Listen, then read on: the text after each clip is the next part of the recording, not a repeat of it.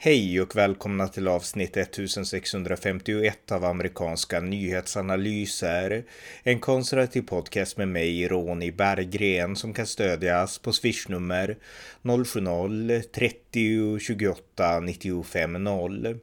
Den 11 september är det val i Sverige, ett val som jag uppfattar som ett ödesval för Sveriges framtid. Och här förklarar jag varför jag anser att Sverigedemokraterna behövs mer än någonsin. Ett endorsement, som man skulle säga på amerikanska. Varmt välkomna! Ja, jag tänkte alltså i det här avsnittet motivera varför jag stöder Sverigedemokraterna i riksdagsvalet den 11 september och förhoppningsvis få några av er att kanske också stödja Sverigedemokraterna. Och den övergripande orsaken till att jag stöder Sverigedemokraterna, det beror på att jag anser att Sverige har styrt fel eh, de senaste 16 åren, sedan Fredrik Reinfeldt blev statsminister 2006 tills nu. Och under den tiden så har ju Sverige styrts av dels Moderaterna under Reinfeldt och dels Socialdemokraterna under Stefan Löfven och Magdalena Andersson. Men trots att de här båda partierna, de två regeringsbärande partierna, kommer från varsin politisk kant, vänster och höger, så har de likväl haft samma naiva och utopiska syn på världen och i förhållande till några av vår tids stora ödesfrågor som har att göra med massinvandring, överstatlighet, islamisering och liknande. Och eh, de har fått de här sakerna helt fel, trots att de kommer från två olika kanter. Eh, det enda parti som har haft en klar syn på de här frågorna och fått saken rätt, även om de inte haft makt att påverka, är Sverigedemokraterna. Så att eh, grundläggande så är det därför som jag stöder Sverigedemokraterna. Sverigedemokraterna har fått rätt, det som både Moderaterna och Socialdemokraterna har fått fel. Och vill man styra ett skepp i rätt kurs så bör man ju inte anlita den kapten som tidigare styrde skeppet ur kurs. Så att det är ganska enkelt och ganska logiskt. Så att det är därför jag stöder Sverigedemokraterna grundläggande. Och i det här avsnittet ska jag motivera det lite mer ingående. Ni kommer få höra några röster från Sverigedemokrater eh, och jag kommer också att göra en eh, kort analys över hur jag betraktar Sverigedemokrater som, som parti och över Jimmy Åkessons ledarskap. Så att det är upplägget för det här avsnittet. Och eh, om vi då går in på de problem som jag anser att Sverigedemokraterna har varit tydligast med att se och ge konkreta lösningar på. Eh, det främsta och första problemet är såklart massinvandringen och de problem som förgrenar sig från massinvandringen. Eh, massinvandringen har ju pågått i några årtionden nu i Sverige och de etablerade svenska partierna, deras inställning har varit att bejaka massinvandringen, att eh, inte se problemen som har kommit och att romantisera massinvandringen. Och eh, det främsta exemplet på absurd romantisering, det anser jag har att göra med de rådande massskjutningarna. Nu rapporteras det nästan dagligen om avrättningar där gängmedlemmar skjuter ihjäl varandra och där även vanliga civila blir skjutna av de här gängen. Eh, och eh, den här gängkulturen, gangsterkulturen, den är ju ny i Sverige. Den har inte funnits på det här sättet tidigare. Och eh, den har romantiserats i mångt och mycket av media i Sverige. Eh, Sveriges Radio har ju gett priser och liknande till olika gangsterrapgrupper och eh, det har pågått en romantisering samtidigt som politiker har på något sätt eh, eh östfrakt över det svenska, över klassiskt svenska kulturer. Det mest konkreta exemplet här är såklart Mona Sahlin som för nu ganska länge sedan visserligen ändå sa att hon tyckte att midsommar var något töntigt och att, att det fanns mycket andra häftigare kulturer.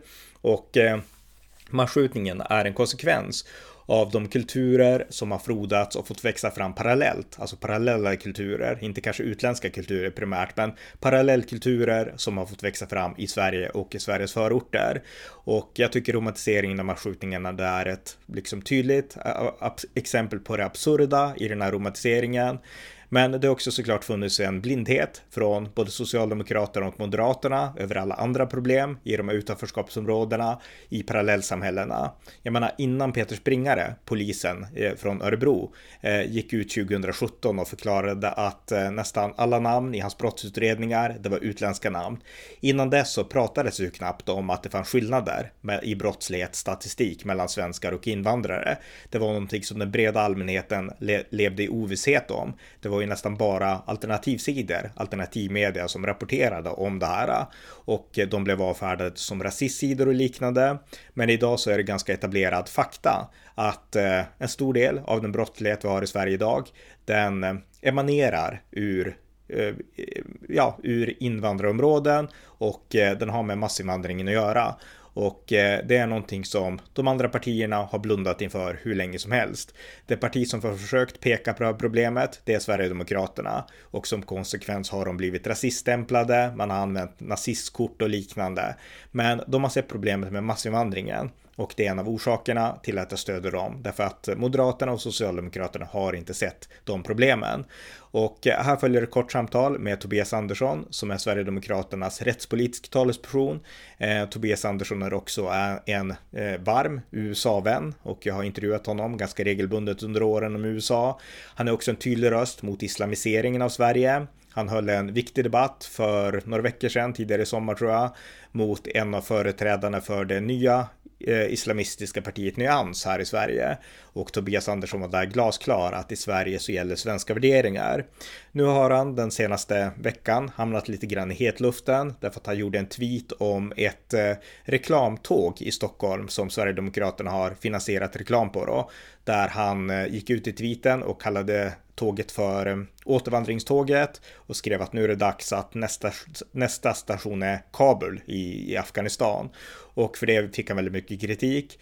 Um, här är ett, en kort intervju med Tobias Andersson om det, men också om varför han anser att Sverigedemokraterna när det kommer till kritan ändå har rätt.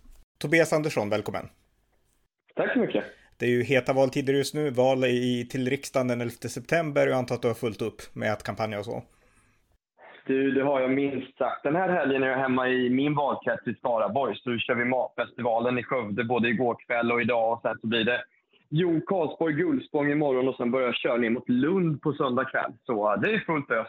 Ja, och eh, du har ju blivit uppmärksammad nu i media de senaste dagarna för den här tweeten där du tweetade om eh, Sverigedemokraternas, eh, ja vad ska man säga, tågvagn, återvandringståg kan man kanske säga. Kan du berätta lite om det här tåget först, vad, vad det är för någonting?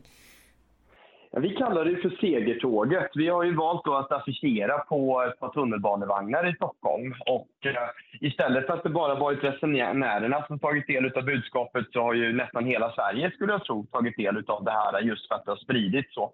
Och då har det varit en del som varit kränkta över att vi får affischera på tåget. Man har kallat det för ett rasistiskt tåg. Och det tyckte jag var patetiskt. Så då drev jag med de som ansåg att ett tåg kunde vara rasistiskt genom att då kalla det för återvandringståget. Och då tog det fart och folk blev ännu mer kränkta och valde att fokusera på det här. Och ärligt talat så är det ju för att man vill komma undan från de samhällsproblemen som politiken faktiskt borde handla om. För att istället då prata om tonläge och sådär istället. Så att man vill inte ta ansvar för det Sverige man har försakat. Mm. Jag tror alltså tonvikten i kritiken ligger på att du nämnde Kabul. Jag menar Kabul är en väldigt otrevlig plats just nu med talibanerna och liknande. Alltså ångrar du just den formuleringen, Kabul? Nej, eh, sett i sammanhanget där jag valde att radera kring det hela så tyckte jag att det fungerade bättre än någon annan eh, stad i världen. Sen är det ju som så att det finns andra länder som även idag utvisar till talibanernas Afghanistan och som har ett fungerande utbyte däremellan. Så att Sverige avbrutit det, det är ju en, en sak, men alla länder har inte gjort det, det kan ju tilläggas. Sen så blir det kanske extra aktuellt eftersom att det har varit väldigt många Afghanistan, från Afghanistan som skulle ha antingen då utvisats eller återvänt för att de inte har rätt att vara här. Det var ju så pass att det var fullt på svenska förvar förra sommaren så att man valde att släppa ut alla afghanska medborgare. De har ju naturligtvis försvunnit nu, gått under jorden och spett på de parallellsamhällena som finns. Så det är ett extra stort problem med just medborgare från det här landet i Sverige och då tyckte jag att det var än mer aktuellt att exemplifiera med. Mm. Men alltså när, när det blir sådana här drev som det blir, då blir det väldigt enkelt att media och alla andra, de fokuserar på det du har twittrat, det Sverigedemokraterna tycker och så missar man just helheten, att Sverige har enorma problem med massinvandringen. Så jag tänker mig, eller nu har jag ju läst till och med opinionsundersökningen, alltså ni verkar inte ha, det verkar inte ha blivit något bakslag av din tweet, utan tvärtom, det går bra för Sverigedemokraterna nu. Och det måste man väl ändå tolka som att eh, idag så är Sveriges medborgare kapabla att se de här helhetsbilderna. Alltså det, man, liksom folket trillar inte ner i Socialdemokraternas olika fällor och liknande, utan man kan se helhetsbilden och eh, då får Sverigedemokraterna rätt, även av opinionen. Jag tror att du gör en korrekt analys där Ronny, för eh, jag är övertygad om att gemene svensk är mer upprörd över att det var en kvinna och ett barn som sköt i en lekplats i Eskilstuna igår, än vad de är över min tweet eller min kritik mot styrande politiker. Jag är fullt övertygad om att de flesta är kapabla att se de enorma samhällsproblem vi har i vårt land. Och då blir man nog snarare frustrerad över att det finns politiker på allra högsta nivå som inte tar tag i det utan istället vill prata om tonläge och enskilda tweets. Jag tror att man ser igenom det. Och det syns i opinionen. Vi är upp nästan ja, men runt 4% i olika mätningar sedan tweeten, tweeten lades. Ja, ja verkligen. Eh, två korta också. Så det intressanta är ju att eh, jag läste idag i Expressen att Magdalena Andersson, som har samma efternamn som du då, hon sa att alla vill ju ha svenska grannar. Och när jag såg rubriken bara snabbt så tänkte jag, tänk om jag skulle skriva Tobias där och en bild på dig. Då skulle det bli ett drev mot det. Men nu var det hon, så jag tror att okej, okay, vänstern och kanske centern har gnällt lite grann. Men, men det är ju inget drev mot henne för att hon säger någonting som egentligen bara SD skulle kunna ha sagt för tre, fyra år sedan. Du, du har helt rätt i det. Och ett annat exempel eh, är ju att regeringen innan sommaren pratade om återvandring och behovet av att öka densamma. Man eh, gav Migrationsverket i uppdrag att säkerställa att de ukrainare som kommit ska återvända så snabbt det bara är möjligt. Då var det okej. Okay. Mm. Eh, så när det handlar om kvinnor och barn som flytt kriget i Ukraina, då tyckte man att de ska återvända så snabbt som möjligt. Men när det kom till unga vuxna män utan skyddsskäl som tagit sig till Sverige, varav tyvärr många har valt att begå grova brott i Sverige, då var det fruktansvärt att säga att de ska återvända. Mm. Ja, eh, som sista fråga, kan du ge några korta punkter till varför de som lyssnar på amerikanska nyhetsanalyser bör rösta på Sverigedemokraterna nu den 11 september eller dessförinnan? Jag kan säga att jag har förtidsröstat redan och det kan alla göra i hela Sverige nu. Ja, men jag tycker att den frågan man bör ställa sig det är om man tycker att Sverige har blivit bättre eller sämre när andra politiker har styrt. Om man anser att samhällsutvecklingen går åt rätt håll, ja, men rösta då på något av de partierna som varit ansvariga för samhällsutvecklingen de senaste 8 eller 16 åren. Men om man är trött på utvecklingen, om man anser att Sverige kan och förtjänar att bli bra igen, att eh, man vill ställa högre krav på styrande politiker och man vill faktiskt se att vi kommer till bukt med de stora samhällsproblemen, då är det bara ett parti som står fritt från skuld och det är Sverigedemokraterna. Och då bör vi också föräras med, med ens röst. Det var Tobias Andersson. Eh, nästa område som jag tycker är viktigt är jag anser att Sverigedemokraterna för en bra balans. Det har att göra med klimathotet och klimatalarmismen. Därför att jag anser att frågan om klimatet, det har två olika grenar. Dels det faktiska klimathotet, eh, den globala uppvärmningen som gör att vi måste göra en form av grön omställning och få ett renare klimat och en renare energi.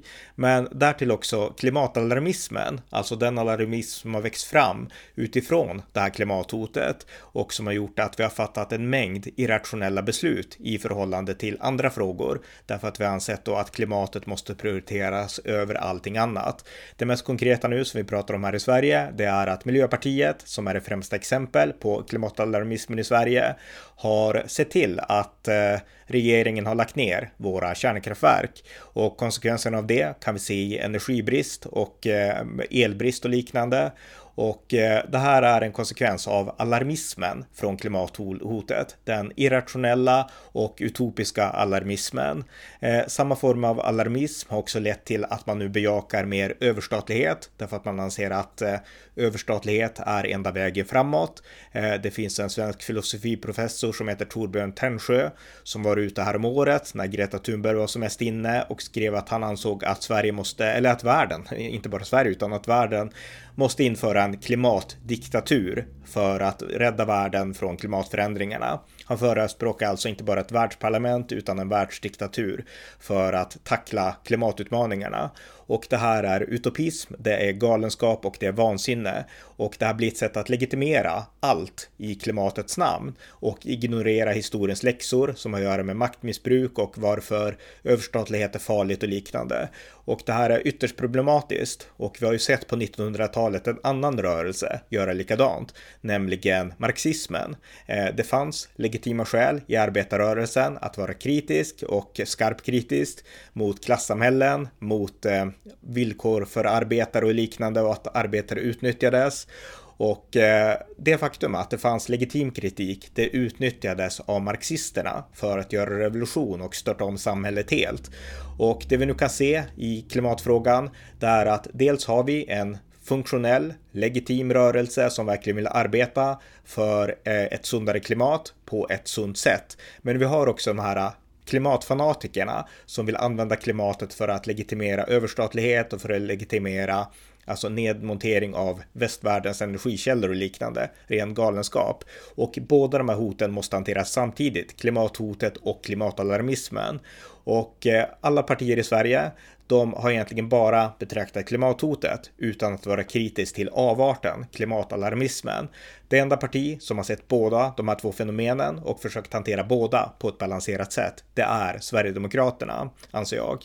Och eh, här följer ett samtal med Jessica Stegrud som är sverigedemokratisk EU-parlamentariker och nu kandiderar till riksdagen och som också är expert och har energifrågor som sitt huvudområde. Jessica Stegrud, välkommen! Tusen tack! Nu pågår ju slutspurten i valet inför den 11 september, det här extremt viktiga ödesvalet kan man säga i svensk politik och även i svensk historia kanske. Och du kampanjar för fullt, du håller folkfester tillsammans med Jimmie Åkesson. Hur, hur är det som? Ja, men det är faktiskt eh, fantastiskt. Jag eh, måste säga det att bemötandet är otroligt. Det är många som kommer alla är glada, entusiastiska, naturligtvis bekymrade, men eh, vi brukar säga det. Vill ni ha ett maktskifte? Ja, det vill verkligen folk ha. Folk, folk är otroligt trötta på utvecklingen. Och det som har seglat upp extra mycket nu här senaste månaderna, eller halvåret, eller i år kanske jag ska säga, det är det här med elpriserna. Först var det diesel och bensinpriserna och nu är det elpriserna. Och man är så oändligt trötta på att regeringen skyller ifrån sig. Det här är dåliga politiska beslut, att vi sitter i den här situationen med effektbrist i söder bland annat, i nedläggning av kärnkraften. Och det vet ju jag som har jobbat många år i energibranschen och jobbat med de här frågorna. Och folk är väldigt trötta på att regeringen skyller på Putin och skyller på allt möjligt. Men det eh, stämmer inte. Så att eh, ja, för att svara på din fråga, det är fantastiskt eh, roligt. Det känns som att vi har lite vind i ryggen just nu. Men mycket kan hända. Det är två veckor kvar till valet. Mm. Men alltså det här är ju, jag har ju sett två tillfällen tror jag, ett i Gävle och ett i Sundsvall via nätet och så som jag tror du har livestreamat det hela. Och alltså det är ju enorm uppslutning. Jag har varit förvånad för jag såg också några klipp från Umeå. Jag menar jag bor i Örnsköldsvik, det är ju här uppe i Norrland. Och de här områdena är inga liksom klassiska SD-fästen. Det, det, det är verkligen inte det. Men ändå verkar uppslutningen ha varit väldigt stor, både i Sundsvall och Umeå. Ja, och det säger de. Nu har jag ju inte varit... Det här är min första riksdagsvalskampanj som, som eh, politiker då. Eh, men jag hör, hör ju alla de som har varit med tidigare, pratat mycket med Jimmy naturligtvis, så är det en väldigt stor skillnad. Och som du säger, i de här klassiska socialdemokratiska delarna av landet lite norröver, eh, där det kanske för x antal år sedan möttes med buarop eller ingenting alls. Där kommer ju folk nu. Folk åker ju många mil för att komma och lyssna på framförallt Jimmy och det är, eh, det är, det är skillnad. Det är stor skillnad. Det är fantastiskt. Mm. Eh, du brukar presentera Jimmy som kungen lite grann har jag sett på de här liksom. Eh, det är rätt roligt men, men alltså jag tycker att du gör en suverän analys. Jag menar han är verkligen en person som han gör sig bra i media och han är liksom han har drivit den här rörelsen framåt verkligen. Och jag förmodar att du känner av det på kampanjen också. Ja, när vi åkte ju Göta kanal tillsammans och kampanjade där nu för någon månad sedan. Och jag måste säga det att när man möter folk lite mer ute i glesbygd och längs Göta kanal och eh, vanligt hederligt folk, vilket vi möter hela tiden. Men det, det som slår mig det är att människor förknippar verkligen Jimmy med någon som bryr sig om dem. Alltså om jag skulle säga att Jimmy har ett varumärke, vilket ju inte är ett varumärke utan det är genuint Jimmy Åkesson det är att han bryr sig. Han är vanligt folk och han bryr sig. Han förstår hur folk har det. Och eh, han har hela tiden gått i, i bräschen för att Sverige och svenskarna ska sättas främst. Och det där sitter djupt. Folk känner av det. Det är genuint. Så därför kallar jag honom kungen, den riktige kungen. Lite skämtsamt naturligtvis. Ja, ja, men det är bra, för jag tycker att den här videon som han har gjort när han står och tankar bilen och liksom suckar över liksom 1300 spänn för liksom att tanka upp en vanlig Volvo. Jag menar, jag känner väldigt många som kan identifiera sig med det, jag också. Nu kör inte jag Volvo just då, men, men mm. liksom just det, det är liksom Ulf Kristersson hade inte kunnat gjort en sån reklam. Den hade inte känts folklig. Nej, för då hade det varit som du säger reklam.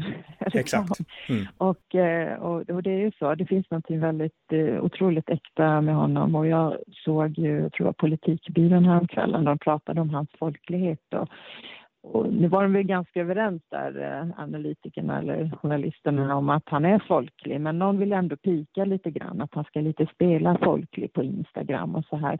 Men det är verkligen inte så. Det är någonting jag har lärt känna så är det att Jimmy är en av oss. Han är folket liksom. Och han är det han, han är. Det man ser, det är Jimmy Åkesson. Det man upplever, det är Jimmy Åkesson. Mm. Eh, Eh, kampanjen fortsätter nu och eh, som sagt det här är ett viktigt val. Jag tycker att det är ett ödesval eh, och det är rätt övertygad om att Sverigedemokraterna också tycker. Alltså varför tycker du att just det här valet är så otroligt viktigt om du utgår från dig själv nu primärt? Ja, men för det första ser jag den här eh, fruktansvärda energipolitiken. Jag har stått nu tre år i Europaparlamentet och varnat för det här och det är inte kul att säga vad var det jag sa, men de här klimatmålen, den här, de här extrema klimatmålen som genomförs offensivt och eh, på fel sätt. Det har jag varnat för ända sedan jag kom in i EU-parlamentet. Jag har haft många Ja, jag har ställt EU-kommissionären, energikommissionären mot väggen många gånger och eh, nu börjar ju folk förstå. Verkligheten har kommit ikapp. Eh, det här är konsekvenserna energipolitiken, att vi har lagt ner kärnkraft, att Tyskland har gjort samma sak, att vi smittas av deras priser. Så att en sund energipolitik, men sen är det så många områden. Nu senast eh, kvinnor och barn skottskadade på lekplats. Det är ju sinnessjukt. Jag hörde för ett par veckor sedan här i Emporia, mitt närmaste shoppingcenter, en som mördades klockan fem på kvällen och någon oskyldig som blev skadad. Och det var, jag menar, jag var där för några dagar innan, mina söner är där ibland. Så otryggheten naturligtvis. Skolan är ett annat område som är jätteviktigt för mig. Så jag skulle säga skola, trygghet, eh, energi, överhuvudtaget hur det här landet sköts. Vi behöver ett maktskifte.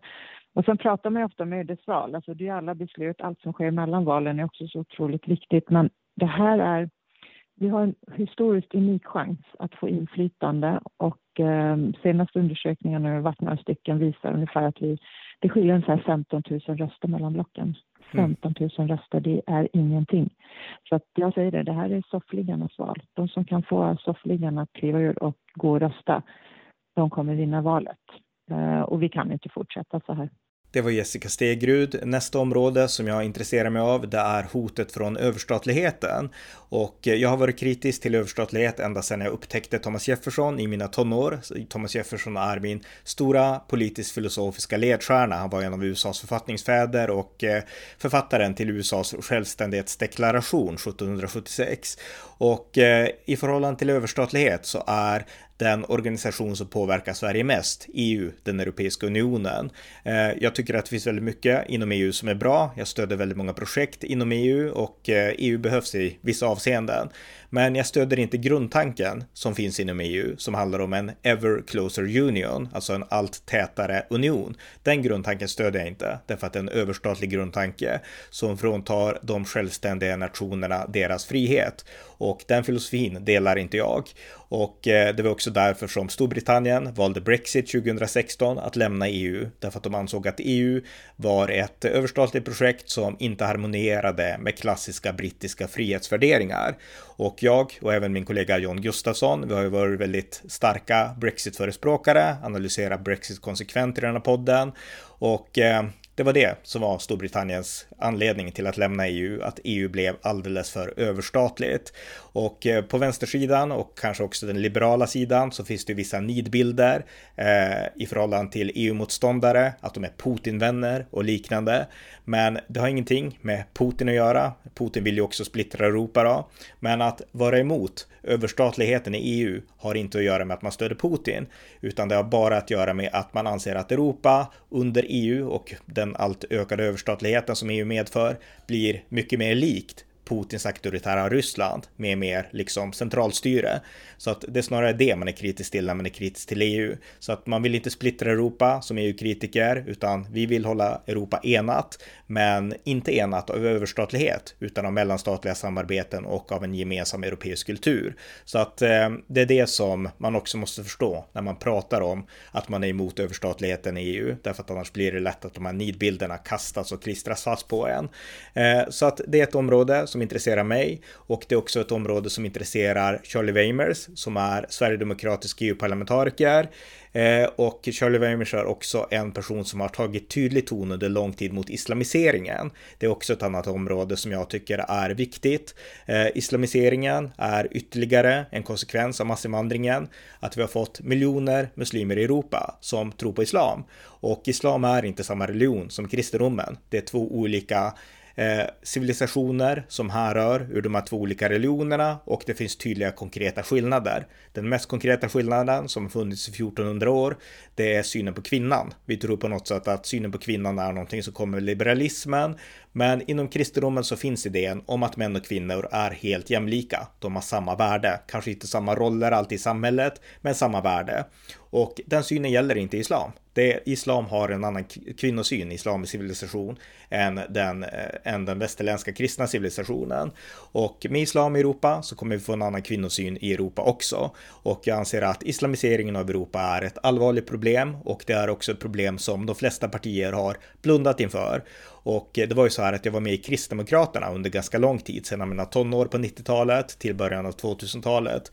Men jag lämnade Kristdemokraterna när jag insåg att Kristdemokraterna var helt ointresserade av att tackla och konfrontera islamiseringen. Jag hade då pluggat eh, islam på universitetet och rest runt i olika islamiska miljöer i Sverige där jag förfasades över vad jag såg och hörde i svenska moskéer. Eh, jag försökte upplysa mina kristdemokratiska kollegor om det här, att vi har ett problem med islam i Sverige. De ville inte se det. De ville vara liberala och toleranta som alla andra borgerliga partier. Och eh, jag insåg att det här är inte partiet för mig. Så att jag började då, det här var 2006, att rösta på Sverigedemokraterna istället. Eh, så att islamiseringen är ett problem som vi måste se och vi måste ta det på allvar. Och det parti som har gjort det konsekvent under lång tid, det är Sverigedemokraterna. Eh, Charlie Weimers, han är en av dem. Och eh, här följer ett samtal med honom om de här frågorna. Charlie Weimers, välkommen! Tack så mycket. Vi befinner oss nu mitt i en brinnande valkampanj för Sveriges alla riksdagspartier och du representerar Sverigedemokraterna. Så en kort snabb fråga från början. Vad har du fullt upp med att kampanja? Jag har haft eh, en hel del kampanjer tidigare men nu är jag faktiskt i Bryssel och förbereder jobbet här nere. Eh, helst skulle jag vilja vara och dela ut flygblad till väljare i Sverige och bidra till valkampanjen men jag har ett uppdrag som väljarna har satt mig att utföra här nere så det får jag, det får jag helt enkelt göra. Eh, och det för mig över till min huvudsakliga fråga i det här ganska korta samtalet. Vad gör Sverigedemokraterna i Bryssel, alltså inom EU, för att... Eh, alltså vad är det väljarna behöver veta för att förstå vad Sverigedemokraterna gör som är viktigt i Bryssel? Ja, men det finns ju ett parti som sätter Sverige först i Bryssel och det är Sverigedemokraterna. Visst finns det frågor där vi har gemensamma uppfattningar med framförallt Kristdemokraterna och Moderaterna. Jag tänker på energipolitiken där vi förordar att kärnkraft ska klassas som en hållbar energikälla. Vi eh, motsätter oss eh, EUs försök till maktövertagande inom skogspolitik, eh, blyförbud eh, inom jakten, Eh, Eh, vi, vi förordar frihandel, goda relationer med USA. Men när det kommer till eh, migrationsfrågor så ser vi att eh, de andra partierna är beredda att sälja ut svenskt inflytande över asylpolitiken till Bryssel genom att acceptera Ylva Johanssons migrationspakt. Vi ser att de är beredda att sälja ut svenska skattebetalare genom Coronafonden. Sverigedemokraterna var det parti som starkast motsatte sig det. Eh, vi ser hur de eh, eh bejakar ett avskaffande av nationella veton, inte minst inom utrikespolitiken. Eh, något som Bryssel i förlängningen hoppas ska leda till eh, e EUs väpnade styrkor och en europeisk EU-dikterad utrikespolitik som inte tar några hänsyn till nationella intressen i länder som Sverige. Eh, så det finns en, en rad frågor. Jag kan även nämna eh, det faktum att det finns ett parti som verkligen jobbar för att stoppa EU-finansiering av islamistiska organisationer och det är Sverigedemokraterna. Så att väljarna har all anledning att, att, att beakta det här eh, när man går till valurnan. Här på hemmaplan, alltså i Sverige, så vill ju både Kristdemokraterna och Moderaterna framställa sig själv som tuffa, kanske inte lika tuffa, men nästan lika tuffa som Sverigedemokraterna. Har man samma ambitioner i EU eller har man en helt annan linje där? Nej, eh, här låtsas man inte vara någonting man inte är, eh, höll jag på att säga. I alla fall inte när det kommer till voteringarna, utan Eh, man röstar ganska mycket med sin federalistiska partigrupp EPP eh, och eh, det, det ser vi inte minst eh, i frågor som handlar om EUs budget och annat. Eh, de, de sväljer väldigt mycket här nere. Och mm, tittar vi på att vara tuff så jag, jag har inte sett något förslag från Moderaterna och Kristdemokraterna om hur vi ska undvika en situation som, som den när Stefan Löfven sålde ut Sverige och accepterade coronafonden här nere i Bryssel. Eh, Sverigedemokraterna har lagt ett konkret förslag om folkomröstningslås, så att en ny eh, blågul regering helt enkelt ska utlysa folkomröstning om det är så att eh, EU avser att tillskansa sig makt eller att Sveriges EU-avgift höjs eh, betänkligt. Um, Frågan är, kommer Moderaterna och Kristdemokraterna gå med på det? Vågar de skapa dålig stämning under kristallkronorna på sina EPP-möten genom, genom att faktiskt låta svenska folket tycka till om det här? Eh, jag har inte hört något sånt, men Sverigedemokraternas linje är tydlig. Mm. Eh, sista frågan då, alltså varför ska väljarna här i Sverige nu rösta på Sverigedemokraterna nu i här, den 11 september i riksdagsvalet? Vad är de främsta anledningarna? Ja, dels för att Sverigedemokraterna är det enda riksdagspartiet som saknar ansvar för det förfall som Sverige befinner sig i. Vi, vi har länge pekat på att eh, eh massmigrationen kommer att föra med sig problem i form av islamism, i form av våld, i form av eh, skolkvalitet och, och annat. Eh, men det handlar också om att blicka mot framtiden. Vi, vi ser en framtid där Afrikas befolkning eh, väntas växa enligt FN från dagens 1,3 till 4 miljarder eh, invånare vid slutet av det här århundradet. Vi, eh, vi ser att Mellanösterns befolkning kommer att öka betydligt. Vad kommer det göra för migrationstrycket till Europa och Sverige i framtiden? Ja, det krävs ingen raketforskare för att komma fram till att vi måste ha säkra gränser, vi måste ha ett asylstopp. Det är bara Sverigedemokraterna som resonerar i de här termerna, i de långsiktiga termerna som på hundra års sikt säkrar Sveriges framtid som nation. Det var Shirley Weimers och han blir också den sista rösten från Sverigedemokraterna i det här avsnittet. Och jag tänkte nu avslutningsvis prata om några ämnen som berör partiet och som jag tror att ni som lyssnar kan ha intresse för. Eh, det första har att göra med Sverigedemokraternas historia. Sverigedemokraterna släppte nu under sommaren en vitbok, eller den första halvan av en vitbok närmare bestämt. Och eh, slutsatserna som dras i den här vitboken har använts eh, eh, frekvent av massmedia, av eh, politiska meningsmotståndare för att eh, klistra fast att Sverigedemokraterna är ett rasistiskt parti. Eh, slutsatserna som dras är att många, eh, de flesta i Sverigedemokraternas så kallade grundargeneration, hade bakgrund i den rasistiska organisationen Bevara Sverige svenskt och somliga hade också bakgrund i viss nynazism och liknande. Och det här är ett ämne som har intresserat mig ganska djupt. Jag har intervjuat ganska, eller några i alla fall, av Sverigedemokraternas grundare. Jag har intervjuat alla deras partiledare, tidigare partiledare, innan Jimmy Åkesson och eh, jag har läst väldigt mycket av det här källmaterialet själv själv och fört många samtal med viktiga personer som var med tidigt. Och eh, det här är ju ett ämne för sig som jag inte tänker gå in på i detalj nu, men jag skulle ändå vilja säga att min syn utifrån mina forskningar eh, i den här historien, det är inte ett parti som har grundats för att partiet vill vara rasistiskt. För det är det som på något sätt eh, är bilden om man läser liksom medias framställningar nu av SDs historia. Utan min syn, det är att det är personer som i viss mån kom från de här miljöerna, men som vill grunda ett nytt parti som inte var rasistiskt och som inte var auktoritärt eller nazistiskt eller liknande, utan som var demokratiskt och som hade motstånd mot massinvandring som sin primära röda tråd. Det är liksom det som är grunden i Sverigedemokraterna från första början. Det är, att, det är inte att vilja göra liksom nazism undercover eller rasism liksom rumsren eller liknande, utan det är att göra motstånd mot massinvandringen. Sen fanns det frågor där i den tidiga historien och somliga som pratar om ett etniskt homogent Sverige. Jag har tagit upp det här i tidigare poddar. Men den röda tråden var motstånd mot massinvandring och eh, de som ville skapa partiet, de ville inte liksom göra det för att de var rasister utan för att de var motståndare mot massinvandring och eh, de vill skapa något nytt, ett icke-rasistiskt parti. Det är de tydliga med redan i början där.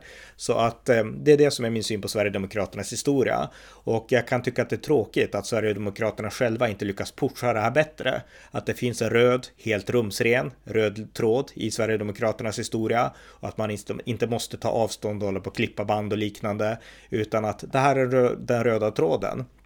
Och de element som har funnits av rasism, de har man skalat bort. Och eh, de här grundarna, de grundade partiet för att de ville se ett, alltså ett, ett parti som var mot massinvandringen bara. Det var det som var den röda tråden. Det tycker jag att Sverigedemokraterna borde trycka på mer och det är det som är min syn på partiets historia. Så att jag tycker inte man behöver vara så rädd när media och sånt här kastar liksom partiets historia på Sverigedemokraterna. Därför att det är nidbilder och eh, Sverigedemokraternas historia behöver snarare försvaras, är min syn på historien då. Eh, nästa sak som jag tänkte ta upp, det är frågan, är Sverigedemokraterna populister? För det är kanske någonting som det pratas om ännu mer än rasismhistorien då. Man kanske köper medias nidbild att Sverigedemokraterna var rasister och kanske till och med nazister, men nu är de inte längre det. Det kan man köpa och då accepterar man att det är här och nu som gäller. Eh, så att eh, det har i mångt och mycket många väljare redan släppt oavsett historien där då. Men däremot så är det fortfarande många som jag träffar, många jag känner i min bekantskapskrets som ändå tycker är de inte populister. För det är också ett narrativ som har hamrats in av media och av politiska meningsmotståndare. Jag lyssnade på en intervju med Sara Skyttedal på Det goda samhället, ganska gammal intervju från 2017. Men eh, och jag kom på det här för att jag läste det i en av mina Facebook-trådar nyligen när jag försökte göra lite research inför det här avsnittet. Och då sa hon att Sverigedemokraterna var ett populistiskt parti och hon kom då in då och sa att vi måste, ja, jag var modig som vågade säga nej till massinvandring och liknande, men Sverigedemokraterna är populister. Men faktum är att Sverigedemokraterna är inte populister därför att det var inte så populärt att vara liksom motståndare mot massinvandring på 90-talet eller början av 2000-talet. Det blev populärt ungefär när Sara Skyttedal gick ut och blev motståndare, men det var inte populärt när Sverigedemokraterna drev frågorna. Så att de är inte populister i det avseendet, utan det är ett parti som har lyckats se ett problem långt tidigare och långt innan andra partier lyckats se det här problemet, sätta fingret på det och föreslå lösningar. Så att jag skulle inte säga att Sverigedemokraterna är populister.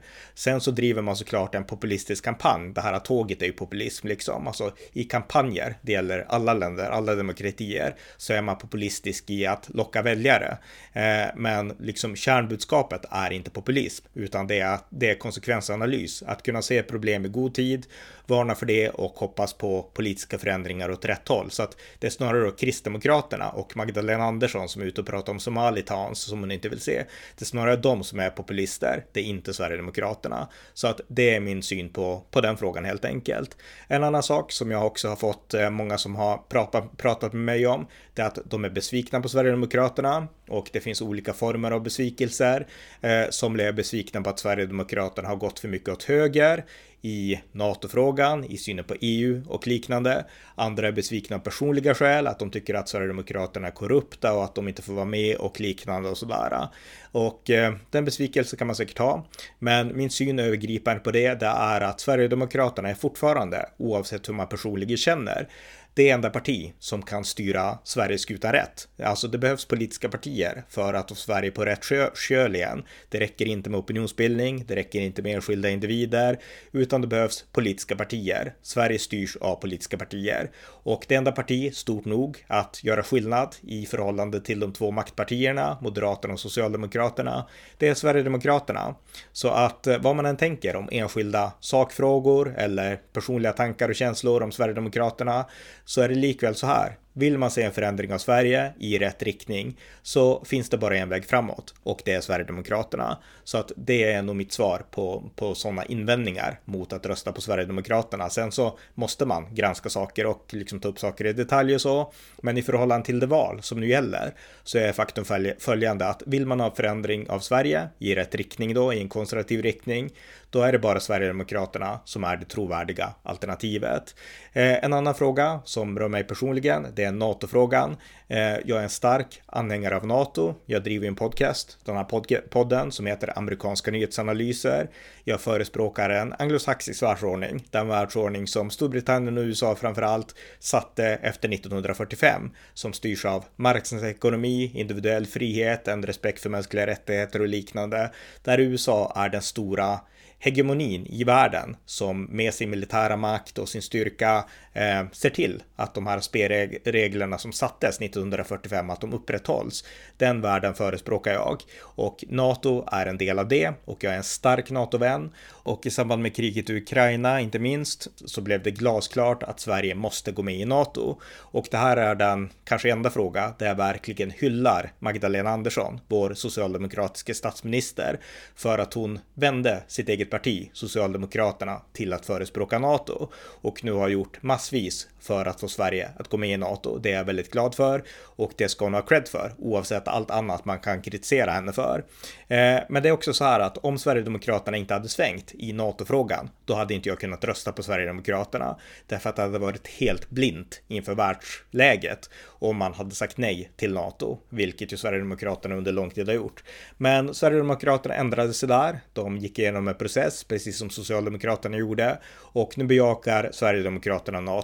Och eh, det är personligen en viktig fråga för mig och eh, det är också en orsak då till att jag känner att jag verkligen kan stödja Sverigedemokraterna för att de är för NATO. Så att det är också en sak som, som, som jag tänkte ta upp där då. Eh, avslutningsvis så tänkte jag spela ett klipp från en ad från Sverigedemokraterna.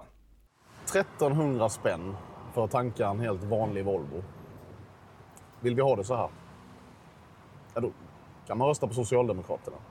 Men vill man ha någonting annat, då ska man rösta på Sverigedemokraterna. Och eh, det var då såklart Jimmy Åkesson som gjorde reklam för lägre bensinpriser. Och jag pratade ju lite grann med Jessica Stegrud om det här också då. Och Jimmy Åkesson, han är en person som jag finner väldigt sympatisk. Jag har ju skrivit ganska mycket om Sverigedemokraterna under åren och jag har alltid lyft fram Jimmy Åkesson som en stark ledare och som en sympatisk person och en person med ett slags eh, helhetsansvar för Sverige. Jag menar, jag känner inte Jimmie Åkesson privat, jag har träffat honom några gånger, men det intryck jag fått av honom när man ser honom i debatter, när man ser honom hålla tal, det är att han har en ansvarskänsla för Sverige att han verkligen vill Sveriges väl långsiktigt. Det handlar inte bara om en valkampanj, det handlar inte bara om makt för partiet och honom själv, utan det handlar om att han verkligen vill förändra Sverige, styra Sverige på rätt kurs igen. Det är den känslan man får av Jimmy. Man får inte den känslan, i alla fall inte jag, av Ulf Kristersson eller av de andra partiledarna. Men av Jimmy Åkesson så får man den här känslan att han har ett ansvarskänsla, en ansvarskänsla för Sverige. Och ordet patriotism, det kommer ju såklart då från latinets pater. Eh, det handlar om ett faderskap, alltså ett, en faderskapskänsla. Och eh, det är den känslan som jag tycker att Jimmie Åkesson har för Sverige. Han känner någon slags faderskapsförvaltande. Han vill förvalta Sverige som en sund fungerande nation, precis som Sverige varit, och eh, efterlämna ett sunt och fungerande Sverige till nästa generation. Och det är precis den egenskapen som jag anser att eh, ledare, politiska ledare behöver och eh, som så få politiska ledare av idag har. Därför att många politiska ledare, de vill egentligen mest nå positioner för sakens skull, för pengar, fast kanske ännu mer för status och, och liknande. Medan Jimmy verkar utifrån min bedömning drivas av just den här förvaltarskapsidén. Och eh, han har ju gjort det här i motvind under årtionden nu. Och eh, jag tror inte man orkar liksom kämpa i motvind på det sätt som Jimmy Åkesson har gjort. Om man inte har den här eh, liksom känslan för att jag vill verkligen åstadkomma någonting. Och då inte bara tjäna personlig vinning utan åstadkomma något, uppnå någonting med mitt politiska ledarskap. Och eh, den visionen tycker jag att Jimmy Åkesson har. Och eh, Jimmy Åkesson personligen är därför också en orsak till att jag kommer att rösta på Sverigedemokraterna i riksdagsvalet den 11 september. Och eh, jag tycker att Jimmy Åkesson skulle bli en mycket bättre statsminister än Ulf Kristersson. Så att det här var min endorsement-podd av Sverigedemokraterna inför riksdagsvalet 2022. Tack för att ni lyssnat på amerikanska nyhetsanalyser. En podcast som finns för att ge det konservativa perspektivet på politik som inte ges i svensk media. Stöd gärna podden på swishnummer 070-30 28 95 0 eller via hemsidan usapool.blogspot.com på Paypal, Patreon eller bankkonto. Skänk också gärna en gåva till valfri Ukraina-hjälp. Det var allt för denna gång. Tack igen för att ni lyssnade.